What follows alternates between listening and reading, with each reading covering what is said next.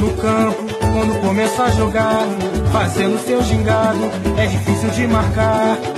Fita pra ali, fita pra lá, fita pra cá, com a bola nos pés, ninguém consegue. Ele sabe fintar. Fita pra ali, fita pra lá, fita pra cá, com a bola nos pés, ninguém consegue lhe roubar.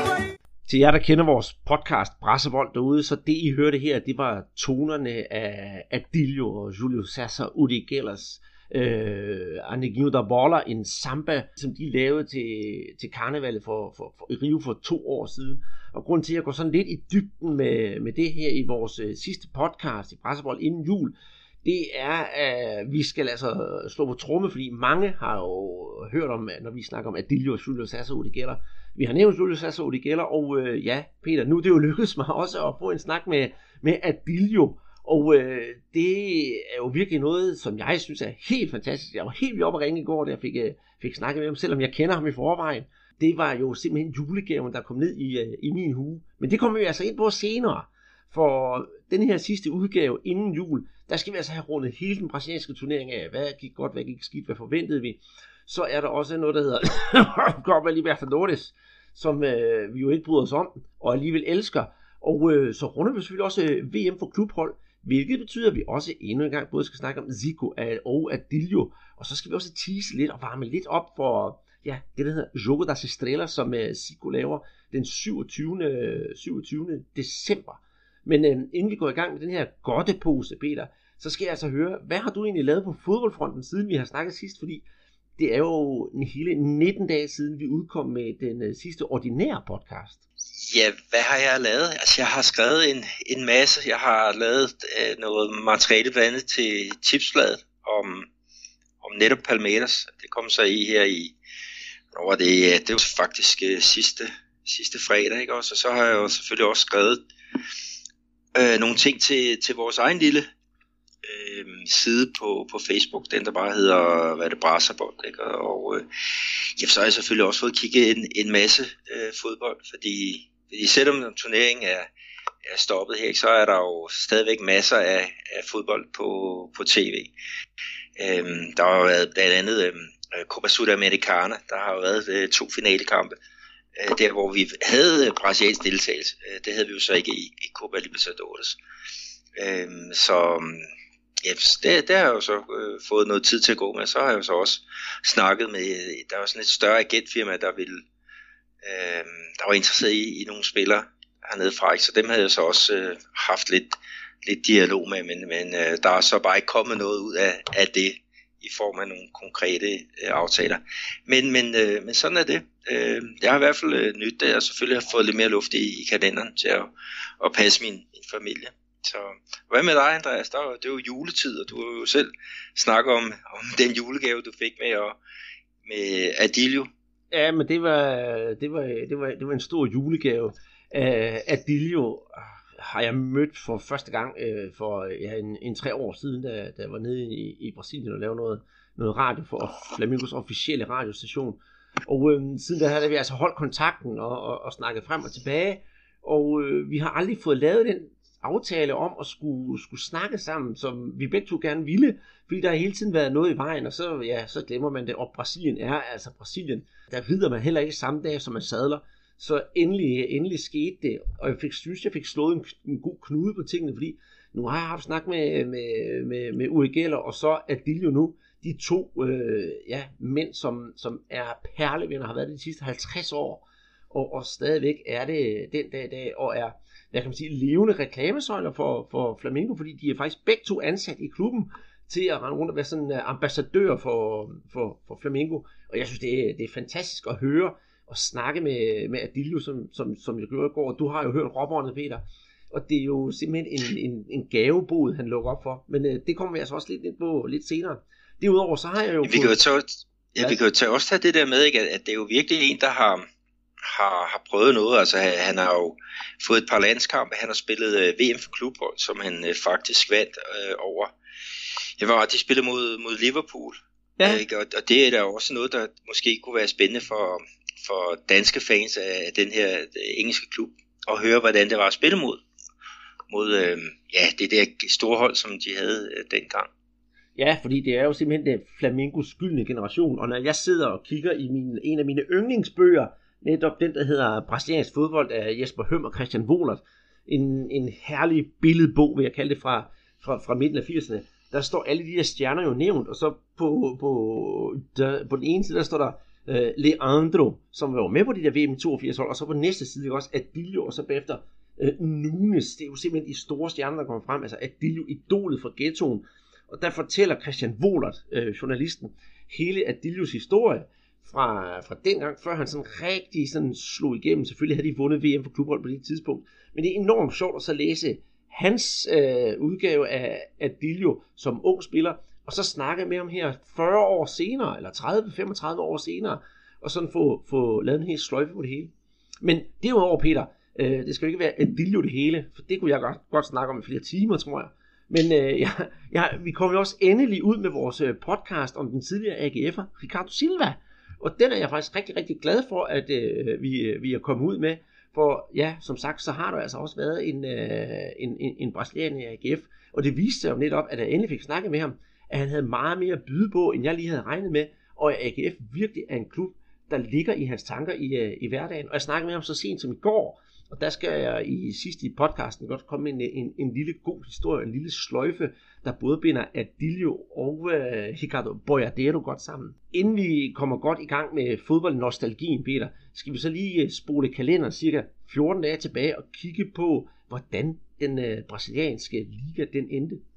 Ja, det kunne vi godt, men vi kunne måske også snakke om øh, VM for klubhold, Andreas, fordi den blev jo spillet lige i øjeblikket, ikke? og du har selv nævnt uh, øh, Zico, ikke? og hans gamle klub, øh, Kashima, de er, er netop nu i aktion mod, øh, mod Real Madrid, og de, ja, hans humør kan ikke være særlig godt, øh, kan Zico, fordi de er lige kommet bagud 3-0.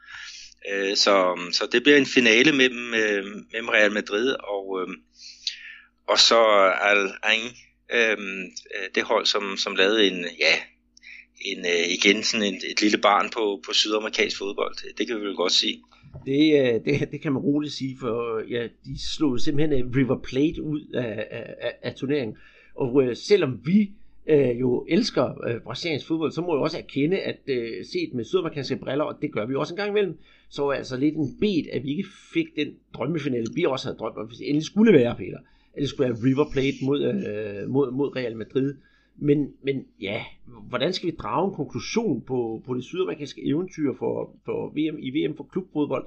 Var det bare et, et River Plate hold, der simpelthen var for træt til at overhovedet kunne præstere noget i det, de aller, aller helst ville vinde, nemlig verdensmesterskabet for klubhold? Ja, altså jeg, jeg tror simpelthen, det er, det er tegn på, på krise for, for klubholdet, øh, klubholdene hernede i, i Sydamerika at øh, de andre øh, kontinenter, de øh, i den grad har, har hældet ind på den. Ikke? Og, og øh, vi snakkede også om, øh, skrev lidt om det, den der Masambi Day, den øh, tilbage i 2010, hvor, hvor International, de var store favoritter til at, at gå i finalen mod det her øh, hold fra, fra, øh, fra den øh, demokratiske republik øh, Kongo. Og det endte jo med, med, med 2-0, og, og de blev virkelig hånet øh, internationalt. Og så senere hen, ikke, så havde vi jo så Atletico Mineiro, der, der øh, røg ud i, semifinalen også til øh, Raja Casablanca. Øh, det var jo heller ikke noget, der var, var øh, specielt kønt. Og så så vi jo så, øh, hvad, sidste år var det Atletico Nacional, som, øh, som røg ud til, til øh, Kashima, tror jeg det var og så, så nu her, ikke, så er det igen et, en øh, finale uden et, øh, et sydamerikansk hold, ikke? Og, og det er der en, et eller andet sted en, en øh, skandal. Men med de der naturkræfter, altså det, hvor man har regnet med hernede, at, at øh, man var i hvert fald nummer, nummer to, øh, det næststærkeste øh, kontinent i, i hele verden, ikke? Det, det må man tage op til revision. Og så må man prøve at se, hvordan pokker man kan, man kan få sat øh, speederen i bund og, og komme op og, og ja, overhale de andre kontinenter, ikke? Og, og hvad hedder det, når vi snakker Europa, ikke, så skal man jo prøve at få den, ja, få, få den øh, afstand øh, øh minimeret, således vi kan få nogle, nogle, nogle federe kampe. Jamen det, jeg, kan da ikke, jeg kan da ikke blive mere enig, men, øh, men, men åh, vi skal også tænke på, at Real Madrid så, som hold, det har jo også et hav af sydamerikanere på holdet, så, så ja, selvfølgelig er niveauet i Sydamerika ikke som det har været, men øh, jeg tror også bare, at nogle af de her klubber, når de kommer til den der turnering, selvom det er det, de gerne vil vinde, Peter, så, så er de fuldstændig udmattede, og så ser vi de der underdogs, de kommer måske, selvom de måske også er udmattede med en helt anden gejst, fordi hvis de kan vinde over netop Sydamerika, så har de jo gjort deres til at, at, at vise, at de også har en eller anden plads i verdensfodbolden. Ja, det er, det er helt sikkert, at, at det, det, de, jeg ved ikke, om de er mere tændte, eller, eller hvad det er. Det kan være, at de sydamerikanske hold går ind og er, er, er bange for, for fiasko. Øh, det, det skal ikke... Øh, det skal, det skal jeg ikke øh, gå ind i, i den uh, debat, men det er i hvert fald, øh, altså det, det er jo klart, hvis vi kigger på, på økonomien, så er, er Europa, de har jo de, de, de stærkest kørende der, og så har vi jo også nogle af de her lande, landene blandt andet, vi har været i, øh, også været i Kina, som, som virkelig øh, også har nogle muller at, at, at spille med, og det gør jo også, at, at det sydamerikanske, at deres status og deres position på verdenskortet, den, den er under, ja, den er, den er troet, ikke? og det må, man jo, det må man tage seriøst, og så må man prøve at finde ud af, hvordan man, man kan få, få bygget det op, ikke? fordi der, der er jo altså også en grund til, at der er så mange sydamerikanske øh, spillere på de gode hold i, i Europa. Ikke? Så det ville da ligesom være, være underligt, hvis man, hvis man ikke fik en stærkere økonomi hernede, at man så også øh, hvad skal vi sige, kunne beholde den lidt længere og, og kunne, øh, hvad skal vi sige, øh, byde, byde de europæiske klubber øh, kamp om, om hvad skal vi kalde det, verdens herredømme. Mm, mm-hmm. jamen selvfølgelig, og jeg tror også, at, at, at, at, der skal virkelig ske en udvikling i hele det sydamerikanske, på hele det sydamerikanske kontinent, fordi vi kan jo ikke uh, lægge skjul på, at både Brasilien og Argentina, som jo er de største fodboldnationer i, i, i Brasilien, så kommer så Colombia banker på os, men det er jo kun et stort foderbræt, hvor de største øh, klubber i Europa, de bare sidder og piller alle de gode spillere. Vi kan jo se, hvad der har været handler her i, i, i de seneste år, bare i, øh, i, i Brasilien. Og ja, vi er jo ikke eksperter på argentinsk fodbold, men jeg ved med, at det er fuldstændig samme der. Nu har River vundet Copa Libertadores, og så til næste år, når sæsonen går i gang, jamen, så har de jo kun et halvt hold at stille op med, fordi de gode spillere er allerede væk. Ja, det er rigtigt, og hvis du kigger på den her liste over hvilke spillere, som de brasilianske klubber øh, ønsker sig, så er der rigtig mange fra, fra øh, øh netop Copa Libertadores mesterne fra, fra River, øh, også fra, fra Boca. Ikke? Så det er jo også argentinsk fodbold. Jeg ved ikke, om det er et foderbræt for, for brasiliansk fodbold, men, men øh, altså økonomien her er, er stærkere, så det, det er jo også derfor, at øh, for eksempel den argentinske fodbold, der er rigtig mange argentiner på, på det hold. Til gengæld, hvis du ser de, amerika- eller de brasilianske hold, så er der rigtig mange øh, udlændinge på, på, på de hold. Ikke? Fra ja, udlændinge specielt her fra, fra de øvrige lande i, i Sydamerika. Så et eller andet sted, så burde brasiliansk fodbold have den der økonomiske power til i hvert fald at sige, jamen vi skal vinde Copa Libertadores hver eneste år, fordi vi har, vi har den økonomiske magt, men de formår det simpelthen ikke. Og det er jo der, hvor de skal finde ud af, okay, når man får solgt alle de der spillere, når man får de der penge i kassen, hvor går de der penge så reelt hen til? Altså når du får solgt øh, Vinicius Junior for det beløb der, er det så noget, som gør, at Flamengo, som har solgt spilleren, at de bliver stærkere økonomisk set? Det burde jo et eller andet sted. Men der er måske også et eller andet med, at, at, man, at pengene forsvinder et eller andet sted, at det er agenterne, der måske går ind og styrer, og tager deres øh, bid af kagen. Men det er bare altså forunderligt, fordi i Europa, der er det jo de økonomisk stærkeste hold, der, der vinder nærmest hver evig eneste år. Ikke? Men øh, det formår man bare ikke hernede og, og, og vise de samme, øh, hvad skal vi kalde det, øh, markedskræfter. De gør sig ikke i, i den grad gældende i, øh, i, i Sydamerika. Og det er jo fordi, der er nogle, nogle, øh, nogle ubalancer et eller andet sted. Mm-hmm. Øh, øh jeg ved godt, du har en øh, bagkant her med et, et, et par timer, Peter, men jeg bliver så nødt til at tage hul på en anden ting også, når vi kommer ind på den snak. Og det er jo øh, den manglende kontinuitet i det brasilianske fodbold. Altså, ja, de burde kunne klare sig bedre, men når der ikke er noget, der hedder proces eller kontinuitet på, på, på holdene, så går det hele jo også fløjten. Nu ser vi jo, for eksempel, nu nævner du selv Flamingo, et rigtig godt eksempel. Man skifter træner, man skifter træner, man skifter træner. Og jeg ved godt, at, at Permeters, de fik Skolari ind, og han fik ændret på, på, på, på sagerne. Men nogle af de hold, som faktisk har præsteret rigtig godt sådan kontinuerligt, det er jo netop i Serie A. Vi kigger på Gremio og Cruzeiro, og det er jo de to hold, der har haft trænerne siddende i længst tid. Så det der hele tiden med, at man tror, man, man, man retter op på en, en synkende skude ved at tisse i bukserne og ansætte ny træner, det virker sjældent.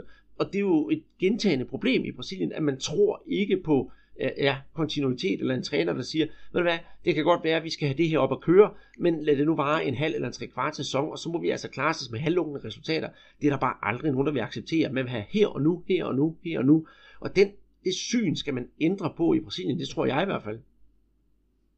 Ja, nu nævner du selv de øh, to længtsiddende øh, træner i, i Serie A, ikke? og det er nogen, der har siddet der, øh, jeg tror det er to år og seks måneder, og to år og, og tre måneder. Så det er jo også øh, et eller andet sted meget sigende om den der udskiftning, der når de længst siddende træner, de alligevel er for så, en, øh, har siddet der så kort tid. Men, men der, jeg, jeg håber i hvert fald, at, at, øh, at der kan komme lidt mere, mere ro på, ikke? Men, men resultaterne, det er jo det, det er altafgørende. Og, og hvis, hvis øh, klubberne, der er mange af dem, der har jo øh, præsidentvalg hver tredje år, så det vil sige, at, at de er jo under et fantastisk stort pres for at skabe de der resultater. De, hvis de ikke vinder noget, så ryger de ud. Øh, og hvis ledelsen skal skiftes ud hver, hver tredje år, så ved man også, hvad, hvad det betyder på, på trænerfronten. Øhm, men men øhm, ja, det, det, det er spændende. Altså, jeg, jeg er meget, meget spændt på et hold, som, som også vi skal snakke om her. Øhm, og det er Atletico Paranaense som, øh, som øh, skiftede faktisk til en, øh, en træner her i, når var det? Øh, det var lige øh, da vi gik ind i VM-pausen. Og det var faktisk deres U23-træner, som de, de løftede op. Og han havde ikke været med i, klub, i klubben i et år, øh, Nunes. Men, men han formoder altså at få, få sat... Øh, sat øh, klubben på ret kurs. Altså fra at, at ligge under stregen. Jeg tror, det lå næst sidst i Serie A efter måske 10 kampe så, øh, så formodede han altså at få dem øh, løftet op, og et rigtig velspillende hold faktisk. Og øh, de er jo nået så op på, på, på syvende pladsen her i, i, i turneringen. Ikke? Men øh, til gengæld så, så slog de der i den grad øh, sig fast i Copa Sudamericana, som er den der øh, lillebror til Copa Libertadores. Mm, enig. Og, og, og det kan også godt være, at, at øh, Atletico Paranaense, nu kender jeg ikke deres, øh, deres øh, klubstruktur overhovedet, men, men, men hvis de har fundet den røde tråd, og det er det, de gerne vil, så kan det også godt være, at det giver resultater på lang sigt. Og nu har det jo gjort det alene i år. Og for at vende tilbage til noget, jeg ved rigtig meget om, det var jo netop Flamingo. For kan du huske, at vi på et tidspunkt snakkede med Juma Bobokker, den tidligere øh, landsholdsspiller og OL-søvinder fra 84, hvor han var jo øh, træner for, hvad hedder han, øh, Vinicius Junior.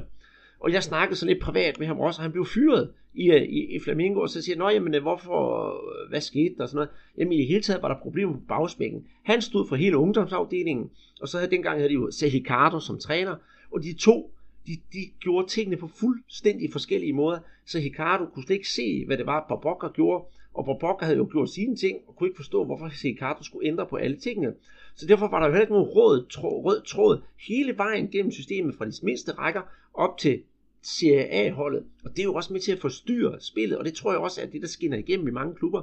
Men inden jeg forgriber mig helt i, i, i sådan en, en længere snak om, hvordan klubstrukturerne hænger sammen og sådan noget, så skal vi jo lige tilbage på, på sporet, og det er mig, der er skyldig, at vi ikke kommer det. Men vi skal jo snakke om Copa Sudamericana, Peter, fordi det er jo altså det vigtigste, der er sket i uh, brasiliansk fodbold uh, her, siden vi har snakket sidst, fordi som sagt, Atletico Paranaense, som du, uh, du, du nævnte så flot, de uh, vandt jo det, er den sydamerikanske øh, ja, titel, som jo er lillebror til, til Copa Libertadores.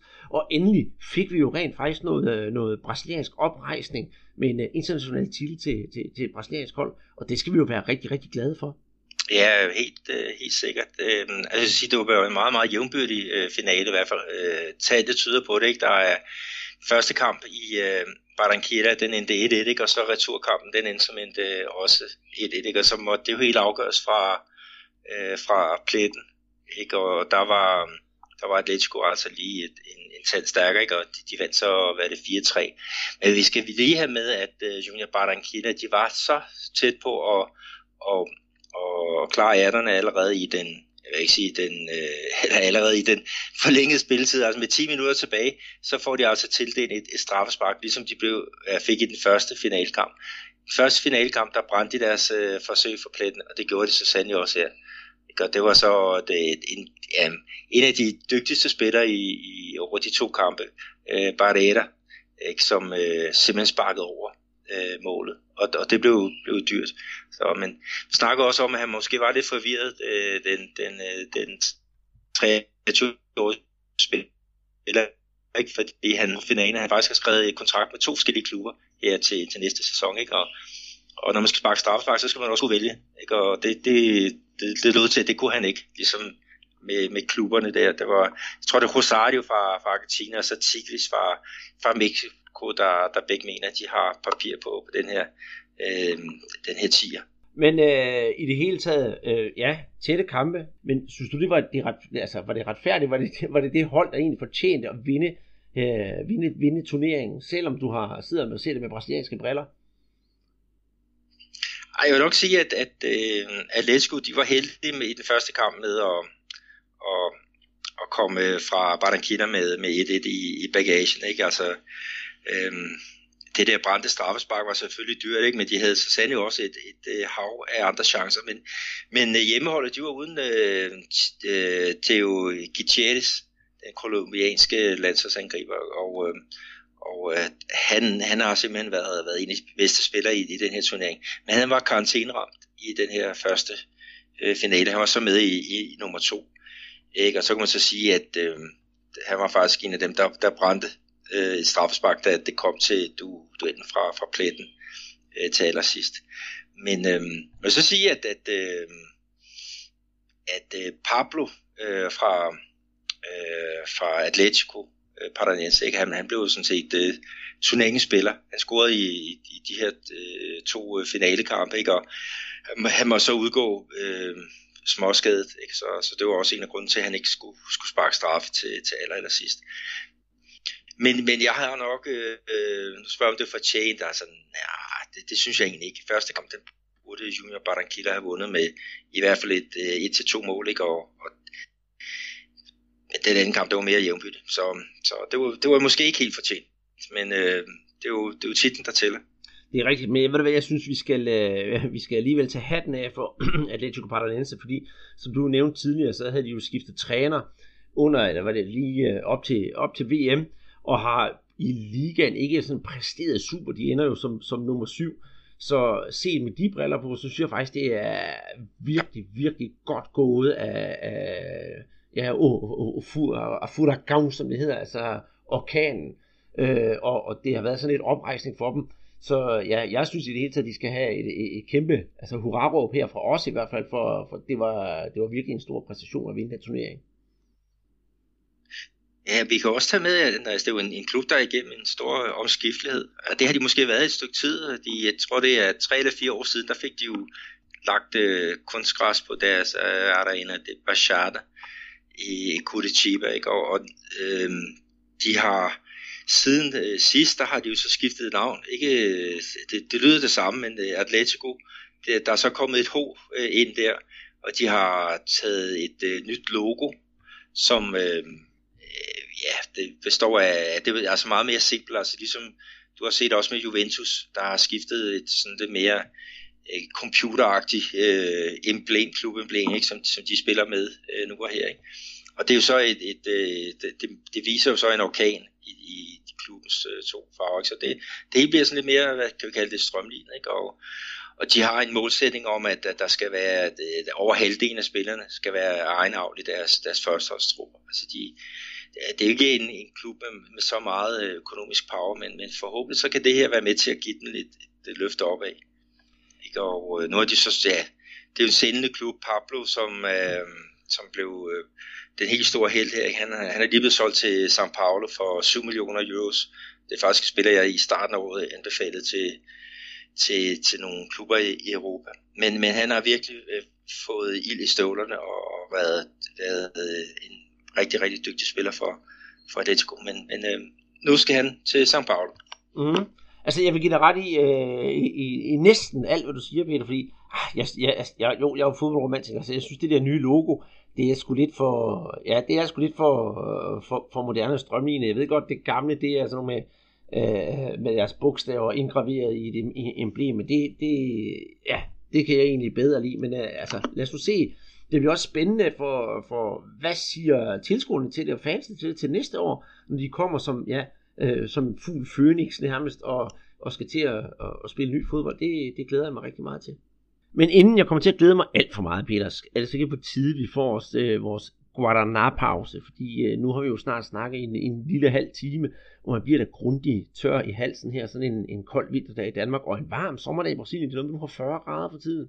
Ja, jeg sidder her i bare overkrop og, og nyder en iskold uh, Guadana. Der, det er rigtig, rigtig lort, og det har der været en uges tid. Så det er jo ikke sådan lige, at man kommer i julestemning, men, øh, men Guadana-stemning, det, det kommer man jo i, i ny og næ. Yes, og inden du siger det, du sagde, det var rigtig lummert, og inden det bliver alt for lummert, så kan jeg fortælle jer det ud, at jeg har altså ikke videoforbindelse til Peter, så der er ikke noget der. Og med det, så finder jeg en skiller, og så får vi en uh, slurk iskold Guaraná. Guaraná Antártica. De Maués para as suas mãos. Bora lá! Yes, jeg håber, du er blevet læsket af en, øh, en, en kold Guaraná, Peter. Det er jeg, og så har jeg faktisk også en kop kaffe ved siden af. Øh, men inden vi, øh, vi sådan rigtig sådan for alvor kommer i gang, så synes jeg, vi skal måske tage udgangspunkt i øh, igen, inden vi går i gang i ligaen her med Atletico Paranaense, som endte på, på syvende pladsen, og som øh, hvad hedder det, vinder af, af Copa Sudamericana, så tjekkede de jo ind med en billet til Copa Libertadores. Og det vil så sige, at øh, i næste års udgave af Copa Libertadores, der finder vi hele, hold nu fast, otte brasilianske hold. Og der er jo som sagt kun 20 hold i den brasilianske liga, så jeg synes faktisk, det er rigtig, rigtig godt gået, at næsten halvdelen af den brasilianske liga spille, skal øh, spille Copa Libertadores. Ja, det kunne faktisk have været lige, hvis det var således, at vi havde fået en brasiliansk vinder af, af årets Copa Libertadores. Men, men både Palmeiras og Grêmio, de, de, de faldt jo i, i semifinalen til argentinske hold, så, så det kunne have været lidt bedre. Men, øh, men otte hold, det er da, det er da flot. Jamen, absolut. Det, øh, det kan man roligt sige. Og øh, vi kan jo ikke komme uden for, udenom, at øh, duksen i den brasilianske liga, dem har vi jo så fejret i vores øh, forrige øh, normale brasserpot. Det er jo Palmeiras, og de lukkede og slukkede altså ballet med hele 80 point efter de 34 kampe. Og øh, det er altså mange år siden, at der er et hold, der har høstet så mange point i, øh, i den brasilianske liga. Så i det hele taget et fantastisk øh, hvad skal vi kalde det, efterår. Det må være, reelt set være forår, hvis man skal tage sådan en kalender ned i Brasilien. Men et, et fodbold efterår for, for Palmeiras, der skiftede træner, og så bare langsomt rykket op og rykket op og rykket op. Og øh, det endte jo med, at øh, de fik jo en helt speciel præmiepige til at overrække, overrække den pokalen, Peter. Og øh, vil du løfte sløret for, hvem øh, han, hun var? Jamen det er, er, er den præsident, der tiltræder her med, i det nye år, det er Bolsonaro. Det er ham, der har, har delt vandene øh, rigtig mange steder på grund af nogle kontroversielle øh, udtalelser. Ikke? Øh, at folk kalder ham jo fascist, og, og jeg skal komme, komme efter dig. Men, men, øh, men han var i hvert fald øh, øh til stede der på, på stadion, og det var ham, der var med til at overrække øh, pokalen. Det i, stod i sådan en flot øh, palmettestrøg, og så, så rigtig glad ud. Og, og øh, jeg har faktisk en lille historie til det. Øh, det er øhm, en, der hedder Marcia, en, en journalist, som jeg mødte under VM hernede i 2014. Og faktisk hende, der, der gav mig nummeret til David Luises øh, kone, eller så øh, mor var det, som kom med en, en, øh, en ret, øh, ret bizarre udtalelse om, hun regnede med, at, at Louis blev både topscorer og, og vandt øh, VM. Den, den nåede også forsiden af, af Ekstrabladet. Men Marcia, hun havde lagt op på sin øh, på Facebook, at øh, altså et billede, hvor man ser Bolsonaro både i Flamengo-trøje, Fluminense-trøje og Vasco-trøje. Jeg tror faktisk også en Flamengo-trøje, ikke? Og, så, og så var der den der øh, øh Palme, nu her i Palmeiras dronning og sagde, at det må være den, det må være ægte kærlighed, som så tørt øh, bemærket. Så, men øh, den kommende præsident, han er altså øh, fan af Palmeiras, så det, det kan jo godt være rigtigt. Mm. Og det har han jo heller ikke lagt skjul på tidligere. Og øh, en anden en, som så er parameterspiller også om, og er fan af den kommende præsident, det er jo ingen ringerne øh, Felipe Melo, så han har nok været rigtig glad. Men ikke fordi der skal gå noget politik i det her overhovedet, Peter, for det er jo ikke det, vores øh, program handler om. Men hvad, blev, hvad var den generelle holdning til, til det dernede? Hvad sagde folket til, at det var den kommende øh, præsident, som skulle overrække øh, pokalen til, til, til Palmeiras, taget betragtning af, at øh, han i visse kredse er ekstremt upopulær? Ja, det var, det, det var selvfølgelig øh, kontroversielt. Og, og, øh, der, var, og der var faktisk også øh, tale om det der med, at, at, øh, at Chichi, han ville ikke ned på, på banen samtidig med, med at Bolsonaro var der, fordi han sagde, at man skal ikke blande øh, sport og politik sammen. Og øh, hvis man så kigger tilbage der i, i tiden, hvor, hvor øh, uh, Chichi han var Corinthians træner, der var han jo ude og, og i den grad hylde øh, den daværende præsident Lula for, for, for hvad han havde gjort for, for, for Corinthians. Ikke? Og, og det er jo det, det der er ulempen i, i denne øh, nye tidsalder, ikke? det er, hvad du siger, det, det, det, kan, det bliver husket, og det kan fremkaldes igen. Ikke? Så, så han så lidt dum ud, den, den, øh, den øh, brasilianske øh, landstræner. Men, men øh, der var der også mange af spillerne fra Palmeiras, der, der undrede sig over det, fordi at, øh, det, er jo, det er jo ikke alle, der, der synes, at det han, han står for, det er, det er, er lige godt. Men, øh, men øh, det, det, det, jeg kan ikke sige andet end, det, det har selvfølgelig været kontroversielt øh, på den ene og på den anden måde. Så, så jeg, jeg, han skal nok, hvis Palmeiras vinder næste år, så står han der nok igen. Det vil, det vil der undrer mig, hvis, hvis det ikke var, var sådan. Mm. Hvis vi forlader Palmeiras, som jo er inde på førstepladsen, så på nummer på andenpladsen, der finder vi Flamingo, og den havde de allerede fået inden sidste, sidste, sidste runde, og de ender med 72 point, og det ender med, at de øh, får et øh, nederlag til faktisk Atletico Paranense, som lige kunne tanke lidt selvtillid inden øh, Copa Sudamericana. Øh, ja, der er sgu ikke så meget at sige til det, Peter, den sidste kamp der. Flamingo, det, de var sgu gået på sommerferie, og man ser frem til nytår, hvor man selvfølgelig er klar på at vinde både øh, statsmesterskabet det, og hvad hedder det, øh, pokalen, og man skal også vinde mesterskabet, plus Copa Libertadores, du ved, der er ingen øh, smalle steder, når det endelig kommer til, hvor store ambitioner man har hos, øh, hos Flamengo. Og vi må sige, at Flamengo har, altså i Serie A har jo egentlig haft en, øh, en fremragende sæson, men, men øh, de kunne bare op mod et hold, der var endnu bedre, ikke? Palmeiras, der, der, der deres anden turnerings øh, ikke? Øh, over de her 19 kampe, det er det hold, der har, har, har simpelthen lavet det, det bedste øh, resultat nogensinde i, øh, i ligaens øh, historie. Øh, og øh, de slutter jo af med hvad det, 23 kampe uden et, et nederlag, så man skal godt nok være, være skarp, hvis man skal kunne, kunne følge med dem. Ikke? Og det, det kunne Flamengo så ikke. Mm-hmm. Og øh, nu skal de jo have ny træner, ikke? og, og øh, så må vi da, da håbe, at de kommer ud endnu stærkere og med vilje til at, at, at byde Palmeiras op til, til dans, fordi det, det, det, det er fedt, når der er nogle, nogle stærke klubber, nogen der, der vil noget med, med det mm. resultatmæssigt. Ja, helt klart. Øh, på tredjepladsen, der endte med fandt International. På fjerdepladsen, der finder vi Gremio, som ja, egentlig, vil jeg sige, har haft måske en, en, en okay sæson, men måske kom til at satse lidt for meget på Copa Libertadores, og endte med at tabe begge steder. Øh, en fjerdeplads, ja, selvfølgelig, de er direkte kvalificeret sig til næste år som, som sidste hold, men øh, ja, jeg tror godt, de havde ambitioner om at komme helt op og få i hvert fald sølvmedaljer. Men øh, der var det altså for en stor omgang at spille Copa Libertadores. På femtepladsen og sjettepladsen, der finder vi São Paulo og Atletico Mineiro. De er med i, øh, hvad hedder det, kval spillet til Copa Libertadores. Og så syvende pladsen Atletico Paranaense, som kvalificerede sig direkte ved at vinde Sudamericana. Og til sidst, der finder vi Cruzeiro, som pokalmester rykker også ind i, øh, i Copa Libertadores. Det har jeg ikke så meget tilføjet til. Er der noget, du har, som du vil, du vil øh, byde ind med, Peter? Ja, vi kan jo sige, at, at øh, der har været lodtrækning til, både til øh, de enkelte øh, puljer, men også til øh, den der øh, hvad er det, kvalifikationsrunde. Jeg tror, det er tre runder, der, der kører på det. Men det kan vi jo tage i næste, næste uge ikke, for at sige, om der er nogen, nogle, nogle, vi kan kalde for dødens pulje øh, allerede nu, ikke? Og, og i hvert fald komme ind på, hvad det er for nogle hold, de brasilianske mandskaber skal møde. Jamen, det synes jeg bestemt er en, en god idé, inden tiden forløber os her. Øh, men Øh, hvis vi kigger nedad i, i, i tabellen i den brasilianske række, der var der jo simpelthen drama op før, før sidste runde, og jeg synes, hvis jeg skal være, hvis jeg skal være ærlig, Peter, så synes jeg, jeg egentlig sparke bolden lidt over til dig. Du er jo Vasco-mand, og, og så kan du godt forstå, hvorfor jeg gerne vil spille bold med dig på den måde. Ja, fordi Vasco, de var i, i problemer, og var bare et enkelt mål for at, at ryge ud af, af CA. Øhm, så sige, at, at uh, inden den der sidste spilrunde den øh, gik i gang, ikke, der havde vi jo to nedrykker.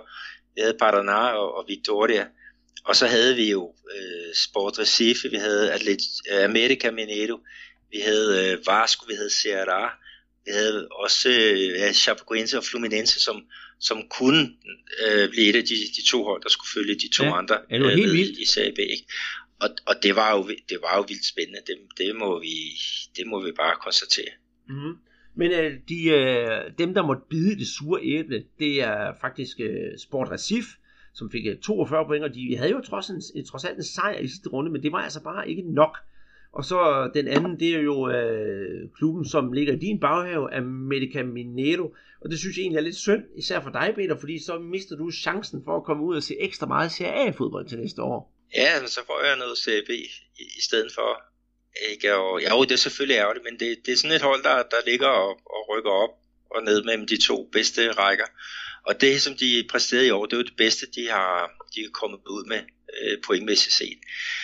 Øh, de spillede ud mod Fluminense, og øh, skal lige have med, at ved stilling 0-0, så har de altså et øh, straffespark, og øh, deres øh, normale sparker, Rafael Mora, han, øh, han ville ikke sparke, fordi at det ville så være mod øh, hans gamle klub, øh, Fluminense, ikke? og Fluminense kunne risikere at ryge ud. Så han, øh, han stod simpelthen over, og, og Luang, der, der overtog, han brændte. Og øh, det har selvfølgelig fået den konsekvens, at, øh, at du tabte Amerika så kamp med 1-0, ikke? Og, og man har hverken forlænget med Rafael Mora og heller ikke med, med og, og specielt Rafael Mora, han, han er ikke særlig velset i, i det, er der ikke noget at sige, sige til. Øh, Givanildo Oliveira, som er kommet til for at skulle redde klubben, øh, er kom til i, i de sidste fem kamp.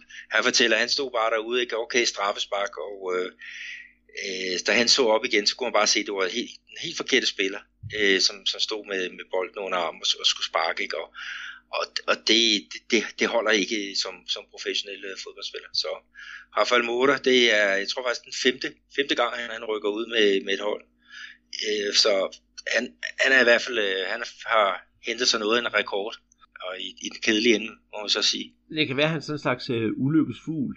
Et andet hold, jeg godt kunne tænke mig at, at nævne, det er jo øh, Ceará, og det er af flere årsager, fordi det er en, en klub, jeg har virkelig fået sådan en, et, et godt øje til, eftersom jo Bechara, som jo er en rigtig god ven af os, har spillet der og følger med i, i klubben, og vi havde jo også, Peter, øh, håbet på, at vi skulle have flere, eller i hvert fald de der to nordøstbrasilianske hold fra Fortaleza op og spille i Serie A, og det kom de jo til, og jeg synes, vi skal, den der skal have ansvaret for, at Ceará de øh, overlevede, og egentlig Selvfølgelig var der nedrykningsfare mange gange, men, men de blev ved med at spille det samme opportunistiske fodbold, og det viste sig jo at give, uh, give point i den sidste ende. Og de fik jo en appelsin ned i turbanen ved at få den tossede træner Liska tilbage. Så der må være evig fest oppe i, i, i Sierra. Og uh, ja, hvor lang tid er det egentlig Liska, han har siddet på posten? Jeg tror faktisk, han kom, kom til i, ja, det måske været juli måned. Det var jo, de, de kom jo elendigt fra start i årets øh, turnering og, og fyldede deres, deres, deres træner. Fyldede den ene, så kom, øh, øh, ja, så kom Liska til, og, øh, og han fik ja, bare sat, sat øh, ja, gang i, i, i klubben. Ikke? Altså han øh, var der omkring øh, 30 kampe, øh, som, som han, øh, han, han fik, fik i, spidsen for klubben den her, den her omgang, ikke? og han fik jo skabt den der, den der tro på svingen, ikke? Og, og alle havde været inden turneringen dømt dem øh, som sikker nedryk. Men Liska, han, han fik altså skabt den der energi, ikke? Der, der gjorde de, de virkelig øh, fik, øh, ja, fik øh, luft under vingerne, og, og sang om, om øh, Liska Doido, ikke? Som, som tog øh, CRA og, og, og trak dem ud af hospice ikke? Det, det er jo en, en, der er blevet sådan en, en, en hedersang til ham på, ja, fra fansene. Det, det, altså, når han går sin tur efter en kamp, så øh, er det ligesom at se Jørgen Klopp øh, i de, de glade dage i Mainz eller Dortmund og, eller ja, Liverpool for den sags skyld. Altså, ja. der er virkelig klart på, at han, ja, han bliver tilbedt på, på en rigtig fed måde. Jeg synes, det, det er fedt, at der er kommet den der fodboldfest i, i, i Fortaleza, og det er jo nok noget, vi kommer til at følge rigtig, rigtig tæt til næste år, også i og med, at vi, vi har jo en, øh, en, en rapporter på stedet, hvis vi skal kalde det sådan, nemlig, nemlig Bicharter, og han har da lovet, at han gerne vil følge med og give os øh, nogle input.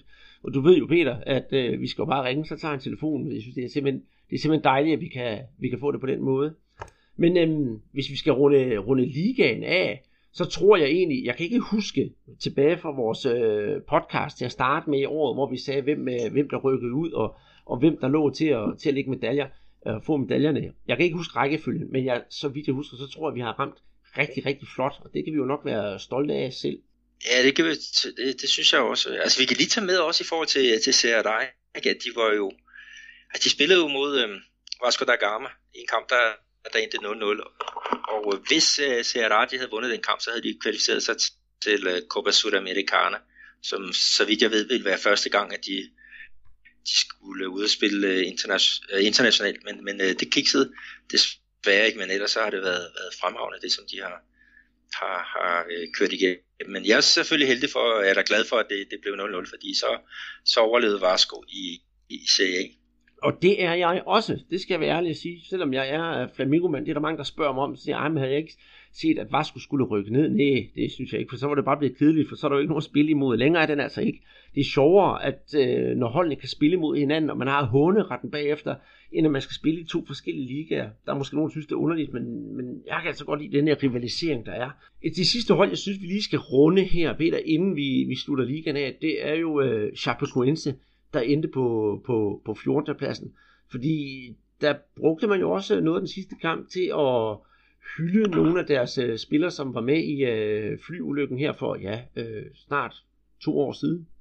Ja, det var således, at øh, Chapecoense lå faktisk i nedrykningsfare, men øh, de spillede så, så via 1-0 sejren over St. Paul, der spillede de så op til, til øh, øh, ja, kvalifikation til Copa Sudamericana, ikke? og det øh, de tre overlevende øh, øh, spillere fra, fra ulykken der øh, tilbage i, i 16, øh, Øh, de kabrede øh, simpelthen den der golfbil, det der bliver brugt til at, at at transportere øh, skadespillere fra banen. Ikke? Så de, de kørte sådan en, en æresrunde i går med flag og det hele bredt ud over det der. Ham, der sad bag, øh, bag rettet, det var Folman, øh, målmanden, der har fået bortamputeret øh, øh, det ene underben, ikke? Men, men han sad altså og gav den trykket på, på pedalen og, og virkede øh, rigtig, rigtig glad. Ikke? Og, og vi havde faktisk samme billeder, det var så sidste år, ikke? hvor at, øh, at øh, Chapecoense de kvalificerede sig til, øh, til øh, Copa Libertadores med en 1-0 sejr i den, nej 2-1 sejr var det vist i, i sidste runde.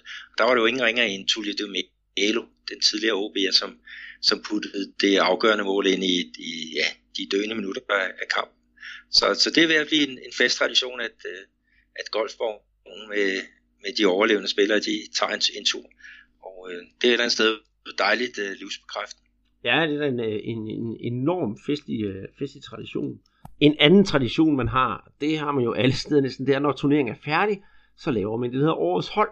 Og øh, i Brasilien, der er årets hold 2018 fra den brasilianske liga. Det går jeg igennem her, det er Marcelo Lombo på mål fra Inter. Og øh, så finder vi et forsvar, der hedder Mike fra Palmeiras, Jeromel fra Grêmio, Victor Cuesta fra Internacional og Henne fra Flamengo. Så har vi Bruno Henrique fra Palmeiras, Rodrigo Dourado fra Internacional, Lucas Paquetá, Flamengo, De Arrascaeta fra Cruzeiro, Dudu fra Palmeiras, Gabigol fra Santos og årets træner, det er jo ingen ringer end uh, Scolari. Og ja, Peter, vi har jo også lavet vores årets hold, og der kan vi jo bryste os af, at vi kun var to spillere fra den officielle årets hold, så det synes jeg også, vi kan tillade os at prale os af. At prale af. Ja, det var faktisk et eller andet sted konen øh, Victor Cuesta i centerforsvaret, ikke, som, som vi var, var uenige i, fordi vi havde jo Kahneman fra, fra Grêmio, om der, der via sit øh, spil der nu øh, er inde omkring det argentinske landshold. Og så kan vi så sige, at det her hold, det er så stillet op i en slags 4-2-2-2 opstilling.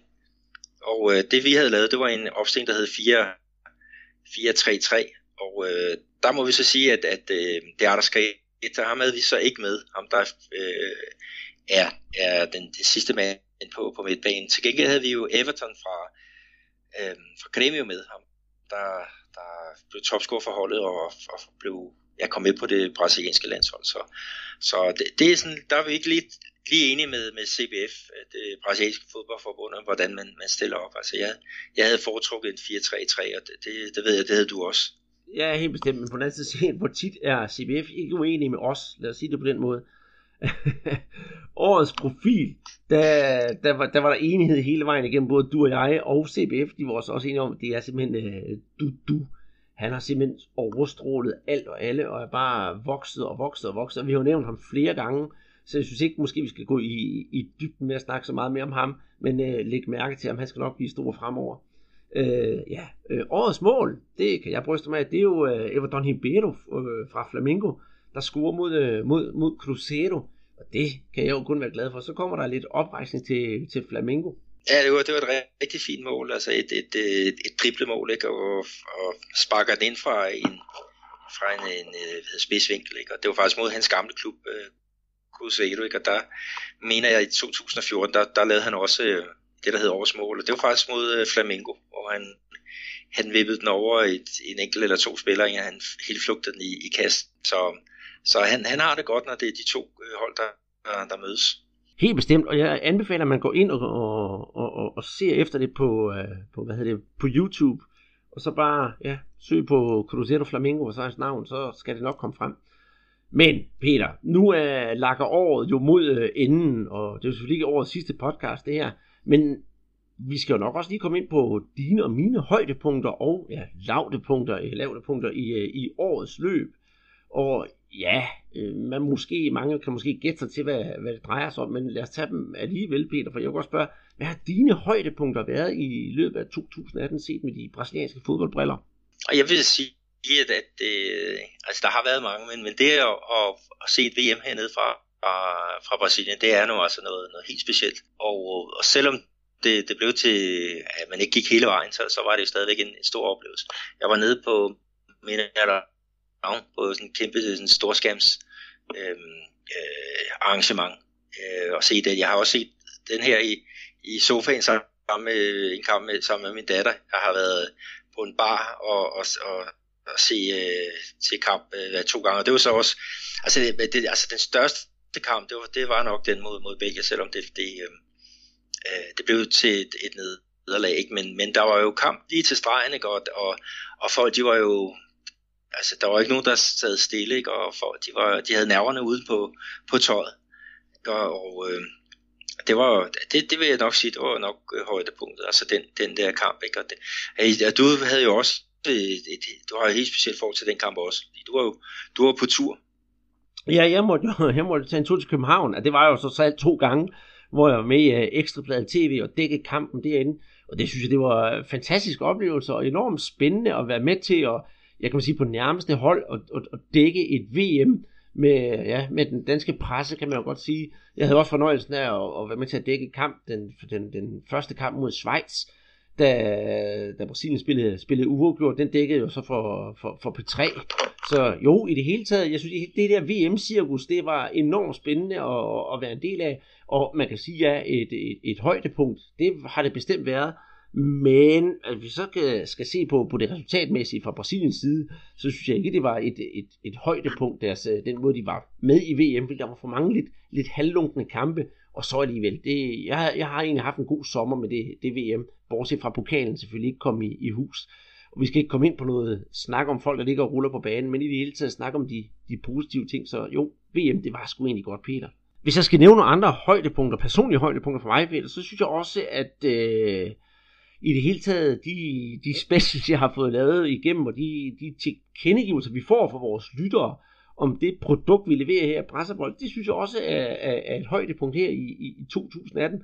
Og i og med, at folk de kommer med de gode tilkendegivelser, så får man jo lyst til at lave, lave flere. Som sagt, så har jeg jo allerede en, øh, en, en ny, hvor bliver de af på vej med, med Cristiano fra, fra AB, og øh, når folk de gider at høre det, så får jeg også mere blod på tanden til at gå ud og støve nogle flere brasilianer op og undersøge nogle flere ting. Vi fik også lavet, øh, hvad hedder det, øh, podcasten om fodboldsvindleren. Den er jeg også meget glad for. Altså alle de der ting, som har været med til at, at, at forme Brasserbold i år 2018, det synes jeg i det hele taget er et stort højdepunkt.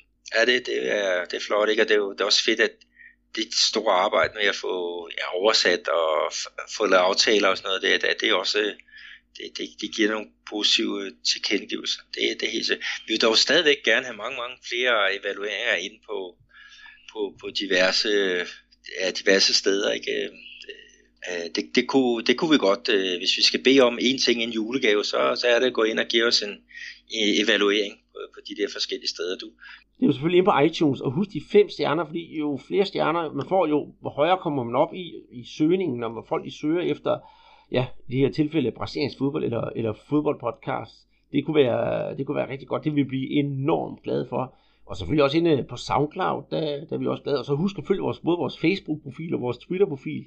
Det vil bestemt heller ikke øh, være dårligt, fordi der kommer der altså ny, ny, nyheder næsten dagligt og øh, nye emner, vi gerne tager op. Og vi er altid øh, klar til at svare på spørgsmål.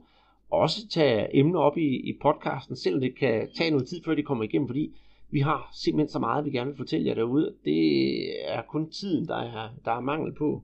Men øh, næsten, det, det bringer os næsten til næste programpunkt, Peter. Det er jo nemlig årets lavdepunkter, og det er jo, at man ikke har tid til at lave alt det, vi gerne vil. Men hvis man skal se det med fodboldmæssige briller, hvor har du så fået den første, største skuffelse i, øh, i år? Og det må helt afgjort være valget i Varsko. Øh, man skulle igen igen have valgt en, en, øh, en præsident. Det er jo noget, der sker hver, hver tredje år. Øh, og, og her der var der så svindel, og det er ikke første gang, at, at det sker. Øh, der var problemer med det, øh, en urne nummer 13, hvor den, den siddende præsident, øh, Enrico Miranda, han havde altså noget, der hed 80% af stemmerne der, ikke? og der, der var jo tre kandidater, ikke? så den lugtede bare langt væk af, af valgsvind. Og, og det blev også underkendt, øh, det der øh, valg, ikke? og det betød, at Øh, Øh, eller i hvert fald de stemmer, der var i den der urne, øh, blev øh, disset. Og så betød det, at øh, den nye præsident, det var så en, der hed Julio Branch. Øh, men nu er det således, at, at valget, det skal jo igennem en instans mere. Øh, og, og der, der øh, ved den sidste instans, der valgte ham, det, Erico Miranda, at gå sammen med øh, Alessandro Cap Campello, som faktisk er fra Brandslejr. Så de, de lavede sådan et lille gå om ryggen på, på ham, som medlemmerne havde valgt. Ikke? Og, øh, og det gjorde så, at, at selvom medlemmerne havde valgt øh, Julio Branch, så blev der altså nummer tre på listen, Alexander Campello, som, øh, som øh, blev klubbens øh, nye præsident, og, og Miranda, han fik det ud af det, han blev, han blev sådan, han fik en, en, en vigtig post inden for, for klubbens administration. Men, men det, er, det er anden gang, at uh, det sker. Uh, jeg kan huske for, var det, det er 10, jeg tror det er 10 år tilbage der omkring, der var der et øh, valg med, med øh, Miranda og så øh, Roberto Ginamici, øh, den øh, målkongen fra, fra klubben der. der. Det blev simpelthen også øh, erklæret ulovligt, fordi der var flere, øh, der var faktisk flere stemmer, end der var, var medlemmer. Ikke? Og øh, det, det kan jo ikke alt lade sig gøre, men det viser, at øh, Miranda Company, de havde, øh, de havde ikke øh, fjernet de der navne øh, af, af afdøde medlemmer. Ikke? Og øh, jeg ved ikke helt, hvordan det gik til, men til Sydland så var der rigtig mange øh, stemmer op fra himlen, som faldt ned i, øh, i mit andre zone. Ikke? Og øh, at det, er jo, det er jo fatalt, at man kan have sådan en, en, en, en, en, en, øh, en svindler øh, gående og, og have så stor indflydelse på, på det. Men, men øh, Miranda, han har infiltreret hele den der klub, og, og det er svært at komme ud af hans øh, jerngreb. Og, øh, de har rykket ud af tre gange i løbet af de sidste 10 år, ikke? Og, og der er ligesom ikke rigtig lysning ja, så længe han er der. Nej, det er helt grotesk. Altså, jeg synes, det, det, det, er en, det er en farse, det er synd for, for, for fodbolden i Rio, og for, i det hele taget også for Vasco. Ikke? Også, det er jo en stor traditionsrig klub, at de skal døjes med sådan noget ja, ja, svindel og humbug. Og det er desværre noget, der gennemsyrer meget, meget brasiliansk fodbold. Men, men uh, dit lavdepunkt, Andreas, hvad, hvad bestod det af? Jamen, hvis jeg skal være helt ærlig, så, så synes jeg faktisk, det er, er den her middelmådige kampagne, skal vi kalde det som Flamingo, de kørte øh, lige efter VM, hvor alt i, de lå nummer et, og hvor det hele det så så dejligt ud, og så en hel masse lunkne resultater, og, og man gik rundt og var lidt småsure i en, en tre ugers tid, og så tabte man rent faktisk det, det, det, det hele på gulvet. Øh, det har fået efterdøvninger, der har også været valg i, i Flamingo, knap så så grotesk som i, i Vasco, men det har virkelig øh, fået folk op af stolene i, i Flamingo og delt vandene, og, og folk er, er nærmest blevet uvenner op til det her, til det her valg, og det synes jeg, det er, det er mit årets lavdepunkt også, det er, at, at, at et, valg af en ny præsident i fodboldklub kan være med til at ødelægge så meget for, øh, for fodbolden og, og holde fokus væk fra det, det drejer sig om, nemlig resultaterne på banen. Ja, du kan også sige, at, at øh, for Flamengo, så blev det jo en, en sæson uden en eneste titel. Så selv det, det er mesterskabet i, i Rio de Janeiro, det som, som man, man starter året med, ikke? Der, der lykkedes det jo ikke at, at komme helt til, til tops. Det blev Botafogo, øh, som, som har mange, øh, ja, meget færre penge at gøre godt med, ikke? Der, der nåede den, den titel, ikke? Og så, ja, hvad, hvor langt nåede man i Libertadores? Var det kvartfinalen? Ja, der røg ud, ja, der røg ud i kvartfinalen, ja. Og, øh, og, og, og pokalen nederlag også. Og det hele, det var lige ved næsten, lige ved næsten, lige ved næsten. Og i og med det kun var lige ved næsten, så synes jeg, det, det blev endnu mere bittert. Ja, så kan vi jo heller ikke komme udenom, at hvis der det er for os begge to et lavdepunkt, det var vi jo ikke havde et brasiliansk hold i finalen i Copa Libertadores, men det synes jeg, vi har gennemtærsket nok. Ja, det, det kan vi godt være enige om. Men så er der jo så noget at se frem til her til, til næste år. Øh, hvad er, er toppen på din liste der, Andreas? Jamen, toppen, toppen på min liste, øh, det er ikke engang til næste år, Peter. Det er om en uge. Der har vi jo, der har vi jo Choco das Estrellas. Det ved du jo. Det er noget, jeg ser frem til hele året, og det kommer vi altså også til at snakke om i næste podcast, øh, hvor det så, den så ville være spillet. Altså, den der øh, kamp, hvor Zico, han øh, ringer til alle hans venner, alle stjernerne, der kommer og spiller fodbold sammen med ham, øh, for et øh, godtgørende formål. Og der kan jeg fortælle, at det var det første gang, at han lavede det nummer der skulle man komme med et kilo fødevarer og øh, aflevere det, inden man kom ind for, for at se øh, kampen. Og det endte med, at der kom 50.000 mennesker. Så det var altså 50 tons fødevarer, der skulle øh, transporteres rundt om i landet. Og det fandt vi jo ud af, at det blev altså en bekostelig affære, for man regnede slet ikke med, at der ville komme så mange mennesker. Så nu er det øh, cool cash, man betaler. Og øh, jeg glæder mig enormt meget, fordi jeg har øh, tre bekendte, kan man sige, på banen. Julio Sasso Geller, han skal være med. Øh, Adilio, han skal også være med. Og så er der en øh, kæmpe, kæmpe Flamingo-spiller øh, tidligere, der hedder Ronaldo Angelin, som er super, super gode venner med, øh, med Bechara. Han skal også være med. Så jeg glæder mig enormt meget til at se de der drenge, man har noget at gøre med, forstå mig ret, skal ind på banen og så ja, spille med, med kongen selv. Og i den anledning, der har jeg jo snakket rigtig meget om øh, Joko da Estrellas med Adilio, hvordan foregår sådan en dag, og hvordan er det hele. Uh, han skal være med, og han glæder sig enormt meget, og han håber selvfølgelig, at han skal spille med hans nummer 8, men han ved ikke, øh, på hvilket hold han skal være, fordi når man spiller Choco til Stellers, så skal det hele gå op i en øh, højere enhed, fordi holdene skal være nogenlunde lige, det skal det jo selvfølgelig, og det nytter jo ikke noget, man har 60 eller øh, 9-60-årige mennesker til at rende rundt på det ene hold, og så alle de unge på det andet hold, så der skal være lidt fordeling. Men man skal jo heller ikke have, have rivalerne samlet. Hvis man ser Choco Stellers, så spiller Renato Gaucho, altså Gremios træner, og Zico, de spiller aldrig på samme hold, fordi de elsker at drille hinanden, og den der rivalisering, den vil man jo selvfølgelig gerne have.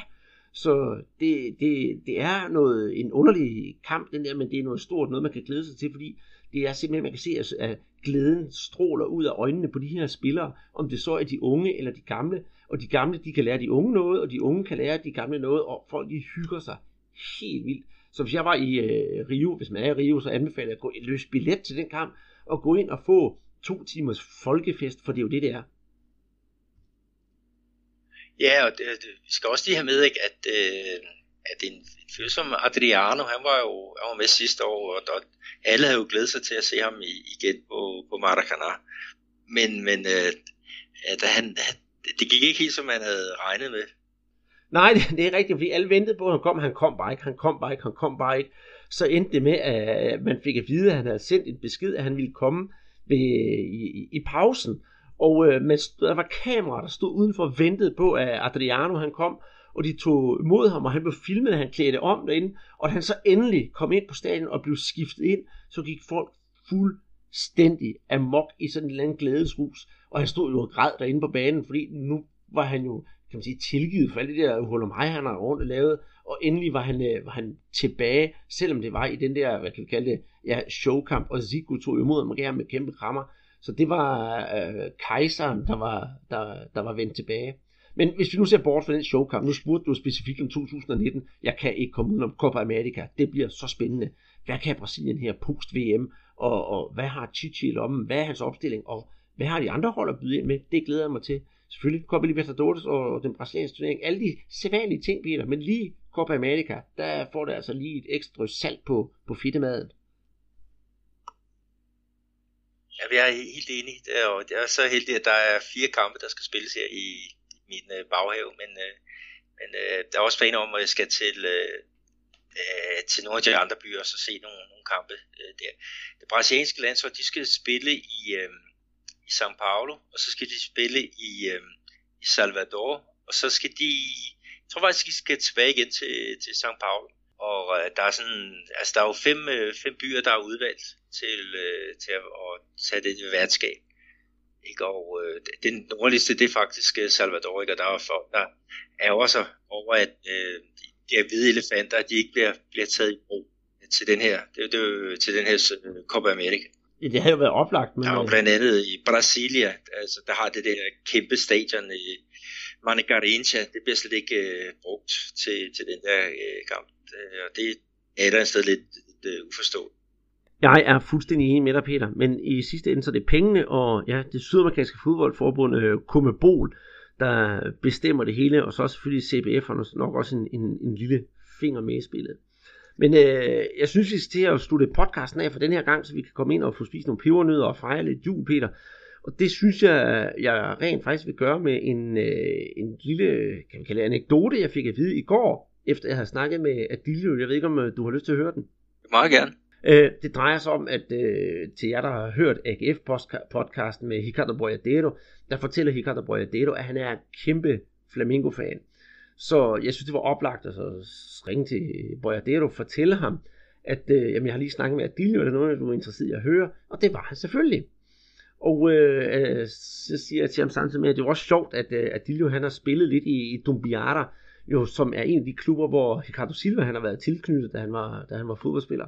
Og øh, Silva, han fortalte så, at det super sjove var, at dengang i, tilbage i 1990, det er jo mange år siden, hvor Adilio han spillede sin, jeg tror det er hans sidste sæson som, som aktiv fodboldspiller, netop i, i Dumbiara, der var øh, Ricardo Silva, han var bolddreng og var med til at skulle øh, sørge for, at Adilio han kunne få nogle bolde, når der blev spillet øh, skulle hjørnespark og så videre. Så han kunne stå som en lille knæk ude på kanten og se sit, et af sine rigtig, rigtig store idoler spille fodbold. Så ja, jeg synes faktisk, det er en ret sjov historie. Ja, det, det, det er fantastisk. Øh, sådan en lille anekdote. Yes. Og øh, med den her lille, lille sidenomshistorie, så lukker vi altså podcasten ned for den her gang, og ønsker jer alle rigtig, rigtig, rigtig god jul derude. Og husk, som vi sagde for ja, 10 minutter siden nu, at øh, vi øh, gerne tager imod øh, gode anmeldelser ind på iTunes, og hvor man skal gøre det hen. Og husk vores Facebook-side, Twitter-profil osv. Og øh, med det rigtig, rigtig god jul ønsker jeg, øh, Andreas Knudsen og Peter Arnholdt.